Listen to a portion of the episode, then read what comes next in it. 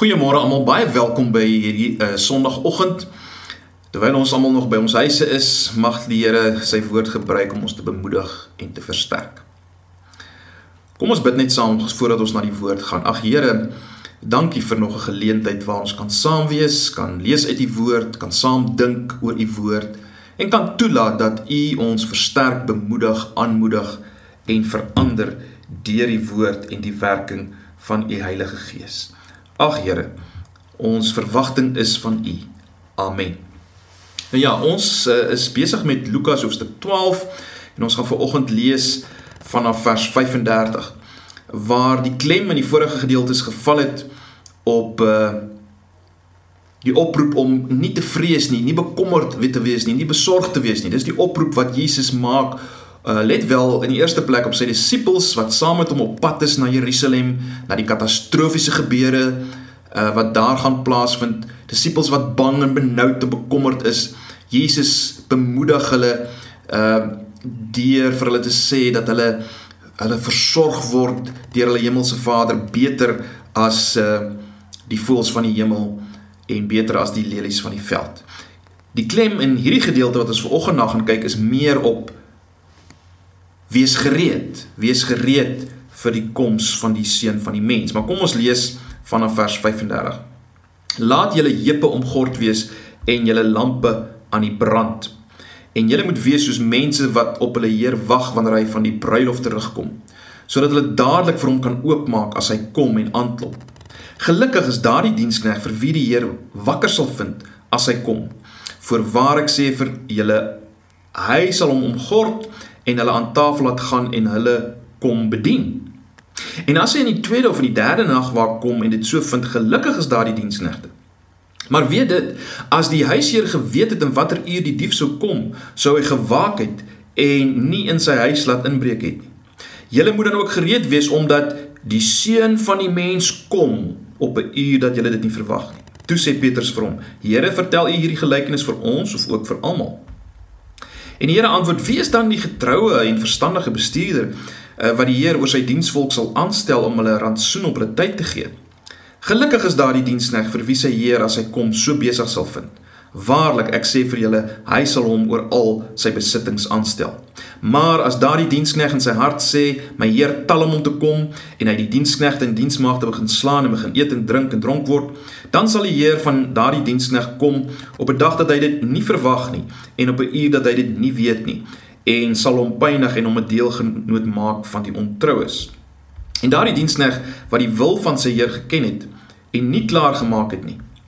Uh hy sal ehm um, ekskuus maar uh, kom ons lees dit net weer en dan sal die Heer kom ons lees net vers, vers 46 weer dan sal die Heer van daardie diens dan kom bedag dat hy dit nie verwag nie en op 'n uur dat hy dit nie weet nie en hy sal hom pynig en hom 'n deelgenoot maak van die ontroues vers 47 en daardie diensknegt wat die wil van sy Heer geken het en nie klaar gemaak het volgens sy of volgens sy wil gedoen het nie sal met baie sla geslaan word Maar hy wat nie geweet het nie en gedoen het wat slaaf verdien, sal met min slaag geslaan word. En elkeen aan wie veel gegee is, van hom sal veel gevorder word. En aan wie hulle veel toevertrou het, van hom sal hulle oorvloedig eis. Die hele wêreld rondom ons sorg op die oomblik dat hulle gereed is vir die koronavirus. Almal dra maskers, was hulle hande, hou 'n afstand van mekaar. Kortweg, individue oor die hele wêreld is in gereedheid vir as die virus hulle sou besoek. Kyk, almal weet hierdie virus is gevaarlik. Dit kan jou dood beteken. Uh dit kom onverwags. Dit kan aansteek uh en aangesteek word by iemand wat geen simptome het nie. Daarom is dit dwaas om kansse te vat. Natuurlik is daar die wat kansse vat en dit krap ons wat miskien 'n bietjie groter verantwoordelikheidsin het baie om, maar hoe dit ook al sê, Mense oor die wêreld heen was lanklaas indien ooit so gereed, so voorberei vir iets. Die vraag wat ek wil hê ons as gemeente en as kinders van die Here vanoggend moet vra in die lig van die gedeelte wat ons vanoggend gelees het, is dit: Is ons hoegenaamd naastenby so gereed vir die koms van Jesus soos wat ons is vir hierdie virus? Is ons reg?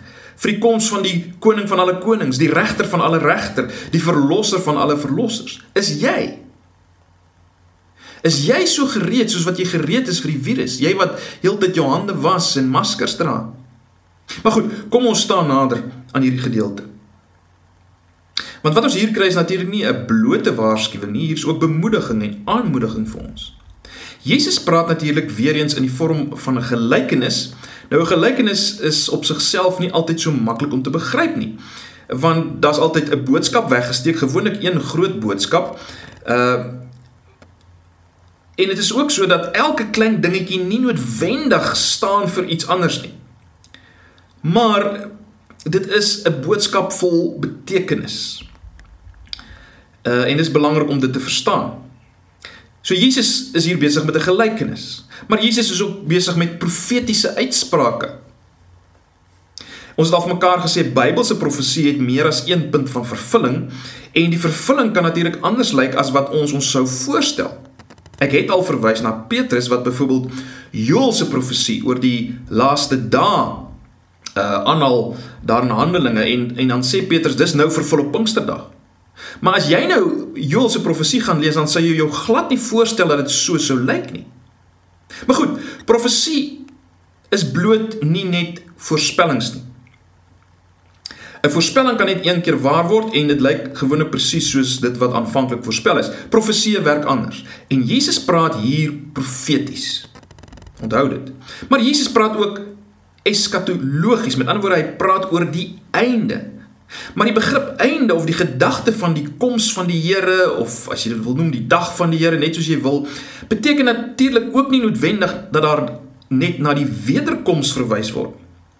Ons sien dit gewoonlik net as verwysing na die wederkoms.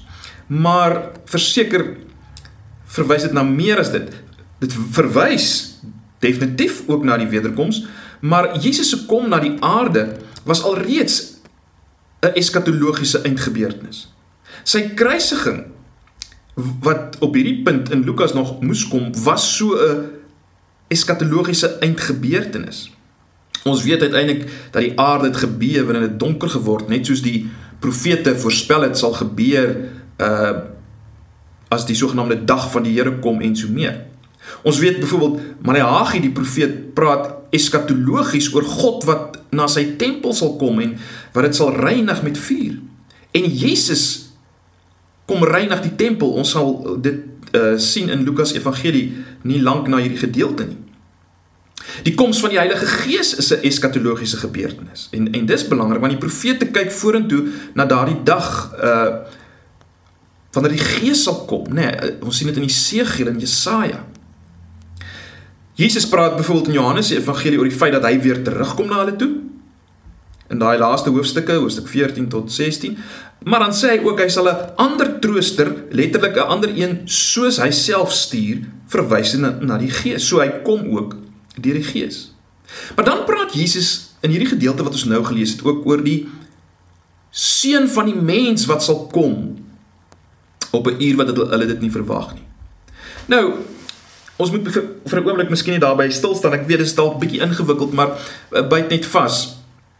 Ons kry die frase seun van die mens kry ons in Daniël 7 vers 13 en 14, maar jy moet kyk na die uh, 53 vertaling of 'n ander letterlike vertaling. Luister na Daniël 7 vers 13 tot 14. Daniël sê ek het gesien in die naggesigte en kyk met die wolke van die hemel het een gekom soos die seun van 'n mens en hy het gekom tot by die oue van dae en hulle het hom nader gebring vir hom en aan hom is gegee heerskappy en eer en koningskap en al die volke en nasies en tale het hom vereer sy heerskappy is 'n ewige heerskappy wat nie sal vergaan nie en sy koninkryk een wat nie vernietig sal word nie Dis natuurlik belangrik om die konteks van Daniël 7 in gedagte te hou. Ons kry uh, in Daniël 7 'n verwysing na verskillende diere wat duidelike literêre tegniek is om na die heidense nasies of koninkryke te verwys. En hierdie diere val Israel aan. As jy die hele hoofstuk lees, is dit baie duidelik dat hulle die seun van die mensfiguur aanval en hierdie seun van die mensfiguur is baie duidelik 'n literêre voorstelling van Israel in Daniël 7. Net so terloops Israel word natuurlik dikwels ook die seun van God genoem uh, in Eksodus 3 byvoorbeeld en ook in Hosea 11 vers 1. Maar goed. 'n Mens moet nie dadelik hierdie seun van die mens figuur 'n uh, letterlike mens maak nie, né? Nee. En dan moet jy die diere dit ook maak. Nee, hy staan vir iets en hy staan in eerste plek vir eh, die volk Israel.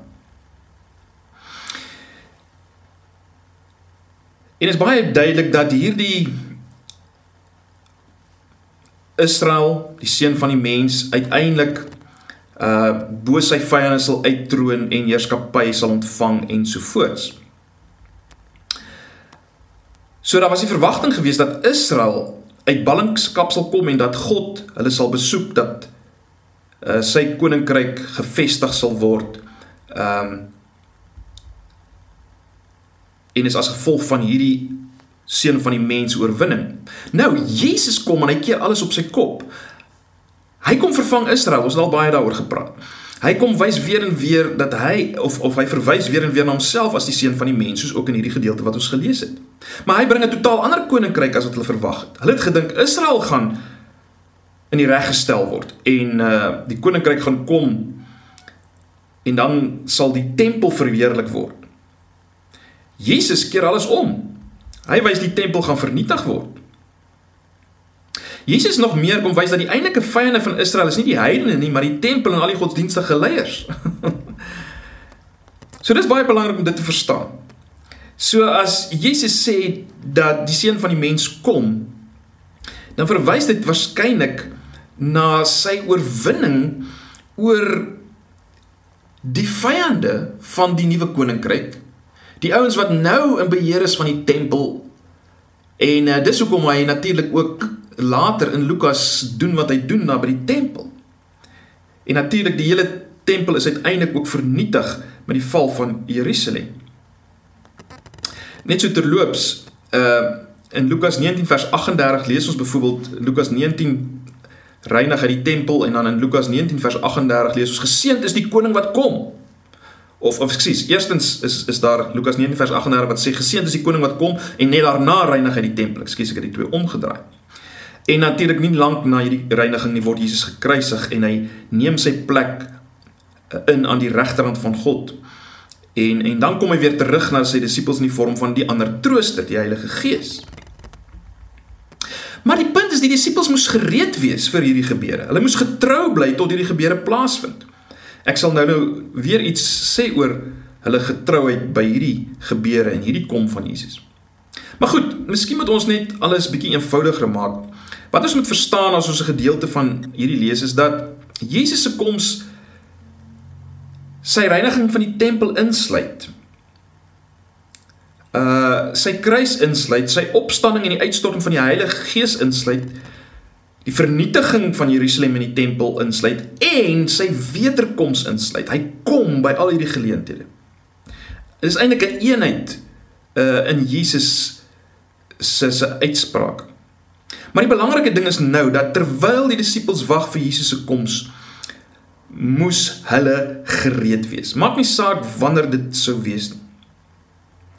Hulle moes gereed wees. En dit is waar die gelykenis ons natuurlik raak. Let op die beeld wat Jesus gebruik as hy sê hoe hulle gereed moet wees. Kyk na vers 35. Laat julle heupe omgord wees en julle lampe aan die brand. Nou hierdie is nie toevallige woorde nie. Dis baie doelbewus en presies hier gebruik. Wat Jesus hiermee sê is dat sy disippels wat ons insluit, gedurig voortdurend moet wees soos die ouens wat die Pasga gevier het. Die ouens wat deel gehad het aan die bevryding uit Egipte. Want luister wat kry ons in Eksodus 12 waar daar gepraat word oor die Pasga, die eerste Pasga. Eksodus 12 vers 11 sê en so moet julle dit eet, julle heupe moet omgord wees. Julle skoene aan julle voete en julle staf in die hand, hastig moet julle dit eet. Dis wat gesê is oor die oor die eerste Pasga. Die feit dat Jesus ook hier verwys na die lampe wat aan die brand moet wees, bevestig dat hy die Pasga as te ware in gedagte het. Want ehm um, in Eksodus 12 vers 14 tot 20 moes die volk baie seker maak dat daar niks in hulle huis is met suurdeeg nie. Nou om hieraan te voldoen, moes hulle lamp aan die brand bly om te kon sien of daar enige so iets is wat suurdig het en en en om dit te verwyder. Nou, dit staan nie presies so in die Bybel nie, maar ons vind dit in die sogenaamde Mishnah wat eh, die oorgelewerde tradisies beskryf. En Jesus sluit waarskynlik hierby aan, hierdie gedagte dat die lampe aan die brand moes wees in die konteks van die vuur van die Pasga. Derdens is dit interessant dat die slawe moes heeltyd in hierdie gelykenis van Jesus in vers 36 en 37 op die uitkyk wees, gereed wees, wakker wees. En dis presies ook die gedagte in Eksodus 12 vers 42. Uh waar die Here sê al die Israeliete en hulle nageslagte moet die nag wakker bly, wakker bly, sê die 83 vertaling. Dan natuurlik ook die feit dat Jesus in sy gelykenis verwys na die nag bevestig dat hy die Pasga gebeure het in gedagte het want ons lees ook in Eksodus 12 eh, vers 8 tot 10 dat dit nog dieselfde nag moet hulle die vleis eet. So dis betekenisvol. Die disippels moes wees soos mense wat die Pasga gevier het. Uh die Pasga tydens die verlossing uit Egipte. Met daai selfe gereedheid, die opwinding, die bewustheid van van die lam wat geslag is in hulle plek en in die bevryding wat nou kom. En en ons moet dit vat. Ons hele Christelike lewe moet so wees soos hierdie ouens wat die eerste Pasga gevier het. Belangrik ook ons weet dat God het in die Eksodus gekom in oordeel en verlossing, verlossing vir die wat gereed was en en oordeel vir die wat nie gereed was nie. En Jesus kom weer so om by sy wederkoms finale bevryding van slawerny te bring. Hy het dit gebring deur sy kruisiging, maar hy gaan dit weer bring, finale bevryding van slawerny. En intussen moet sy mense so wees, bewus van die lam se bloed, bewus van hulle bevryding gereed. Uh, terloops, daar was by die Jode 'n verwagting dat die Messias gaan kom op die nag van die Pasga. Ons, ons sien dit in in sekere van die Joodse geskrifte. En en Jesus gebruik dit deur die Pasga taal te te gebruik hier, né? Nee, hy, hy wys uh, of laat ek so sê Jesus bevestig dat hy die Messias is deur hierdie Pasga taal te gebruik want dit was die Joodse verwagting dat hy sou kom op die Pasga. Maar nou is daar natuurlik iets geweldig wat ons hier moet sien. Let op wat gebeur as die Heer in Jesus se gelykenis terugkom. Vers 36. Luister na vers 36. En julle moet wees soos mense wat op hulle Heer wag wanneer hy van die bruilof terugkom, sodat hulle dadelik vir hom kan oopmaak as hy kom en aanklop.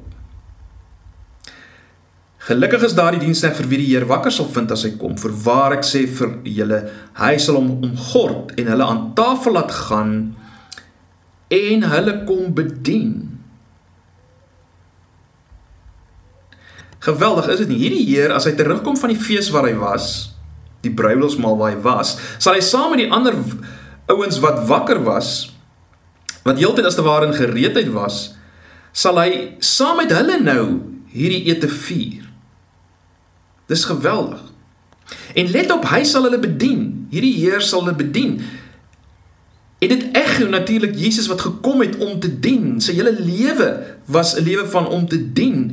Uh, sy kruisdood was uiteindelik die grootste teken van sy diensbaarheid.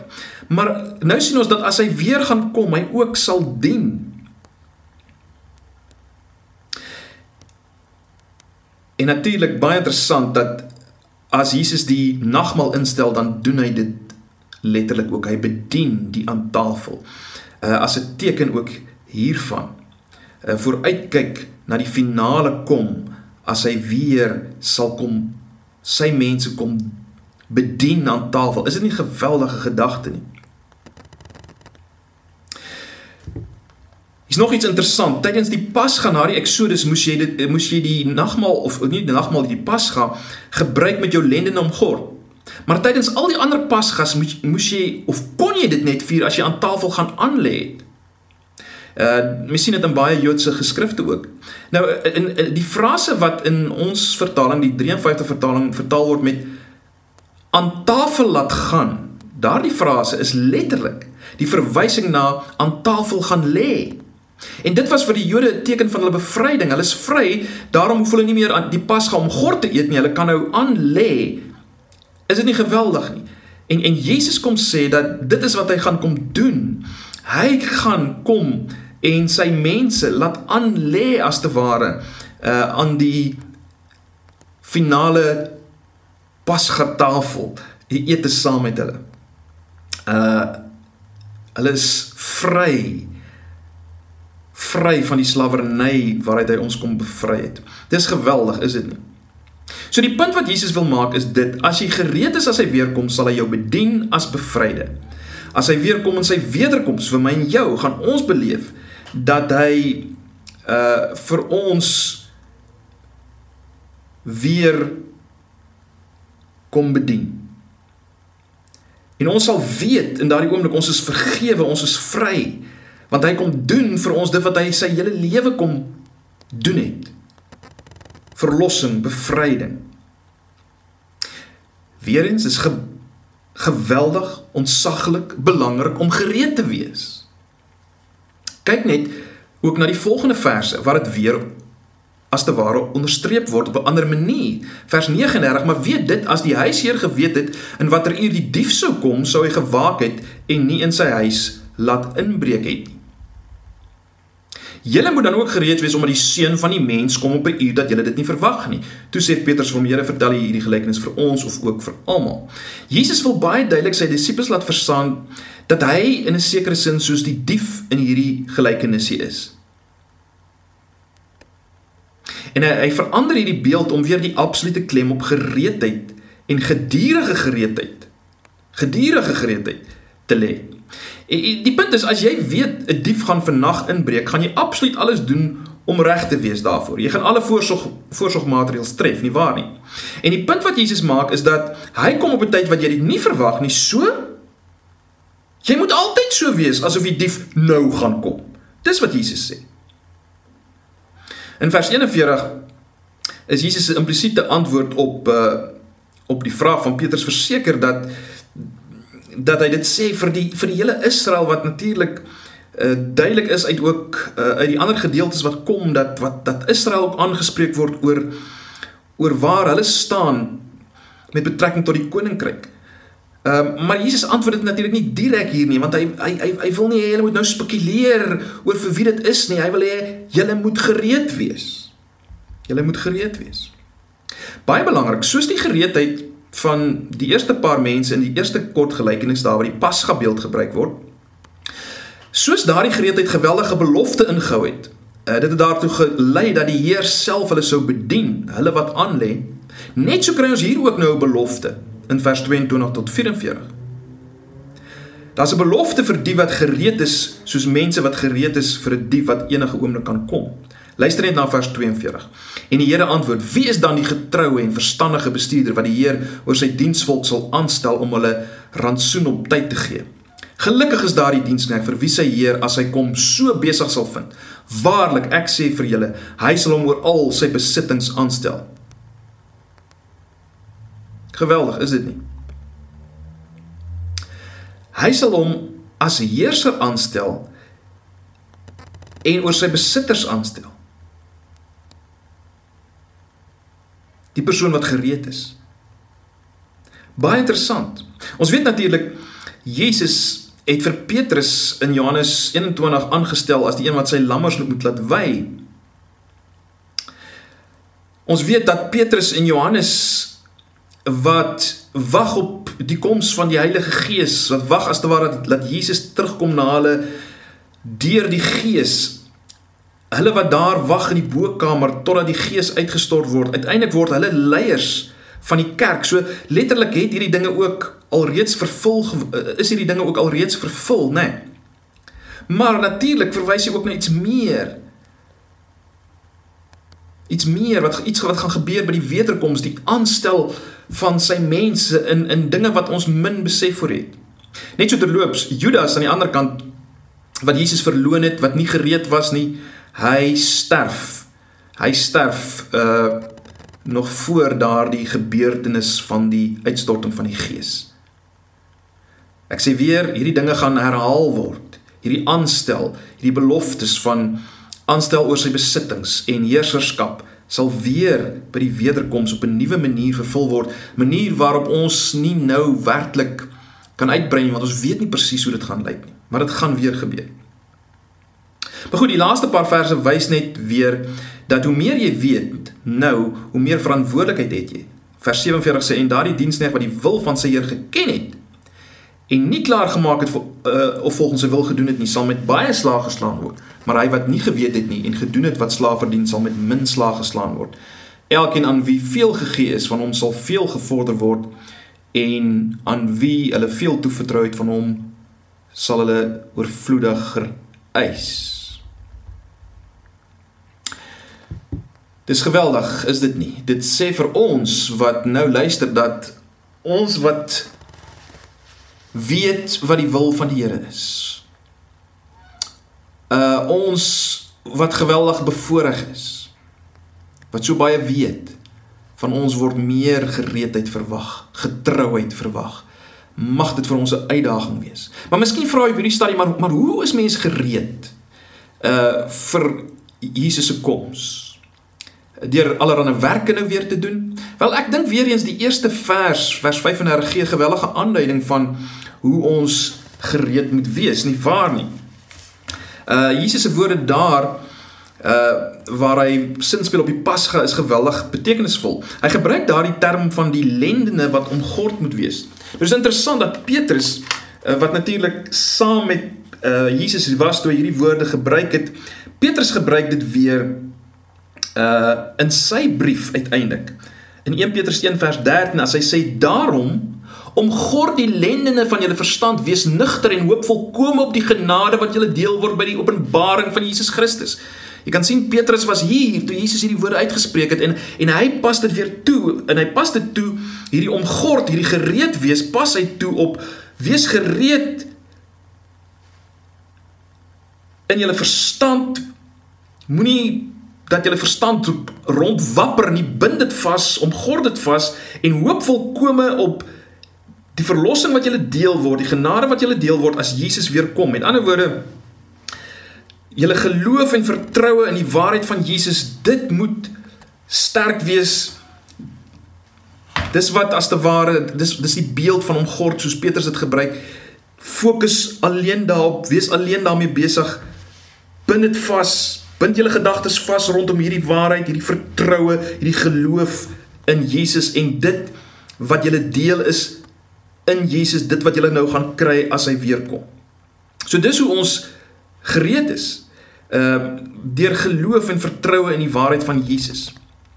Die beeld van brandende lampe, uh, Matteus gebruik dit natuurlik in sy gelykenis van die 10 maagde. En en dit dui weer op 'n lewende en aktiewe geloof, nê. Nee. Uh die, die, die woorde wat Matteus daar gebruik is die gedagte van om iets aan die brand te hou en, en weer eens gaan dit oor die gereedheid van geloof, die geloofsvertroue wat moet voortgaande wees. Uh, dis hoe ons gereed bly vir Jesus. Gaan voort om te bly glo in hom. Die gedagte van waak wat ons in hierdie gedagte kry, van wakker bly en waak. Wel, ehm uh, ons kry dit in in 1 Korintiërs 16 byvoorbeeld, 1 Korintiërs 16 vers 13. As Paulus sê waak staan in die geloof. Waak staan in die geloof. Weereens sorg dat jy die geloof behou. En ook in as ons teruggaan na 1 Petrus, weer dieselfde Petrus in 1 Petrus 5. Uh in 1 Petrus 5 vers 8 en 9 gebruik hy weer daai gedagte van waak wakker wees. Hy sê wees nugter en waaksaam wakker want julle teenstander die duiwel loop rond soos 'n brullende leeu en soek wie hy kan verslind. Hom moet julle teestaan standvastig in die geloof standvastig in die geloof. So, hoe bly ons gereed en wakker? Wel, nie deur allerlei dingetjies te doen noodwendig nie, maar deur die geloof in Jesus te behou, om aan te hou om Jesus volkome op sy woord te vat. Vir alles om op sy woord te vat. Ook op sy woord te vat vir sy versorging van ons. Maar alles alles, vat hom op sy woord, gaan voort om op sy woord te vat, behou die geloof. Is jy gereed vir Jesus se koms? Is jou lende nou omgord? Is jy wakker? Is jou lamp aan die brand? Is jy reg? Mag wees dat Jesus weer gaan kom na ons in 'n herlewingstyd. Is jy reg? Sal hy jou kan aanstel? Sal hy jou kan gebruik? Maar ons weet ook hy gaan verseker weer kom in sy wederkoms. Is jy reg? Is jy gereed? Sal hy jou kan aanstel? Sal hy jou kan gebruik in sy nuwe wêreld? Is jy gereed? Ag. Kom ons vra hom dat hy met ons sal voortgaan, dat hy ons sal vashou en dat ons gereed sal wees. Ag Here, dankie vir die woord. Werk in ons, verander ons. Hou ons wakker. Help ons in hierdie proses van gereed wees. Ons vra dit in Jesus se naam. Amen.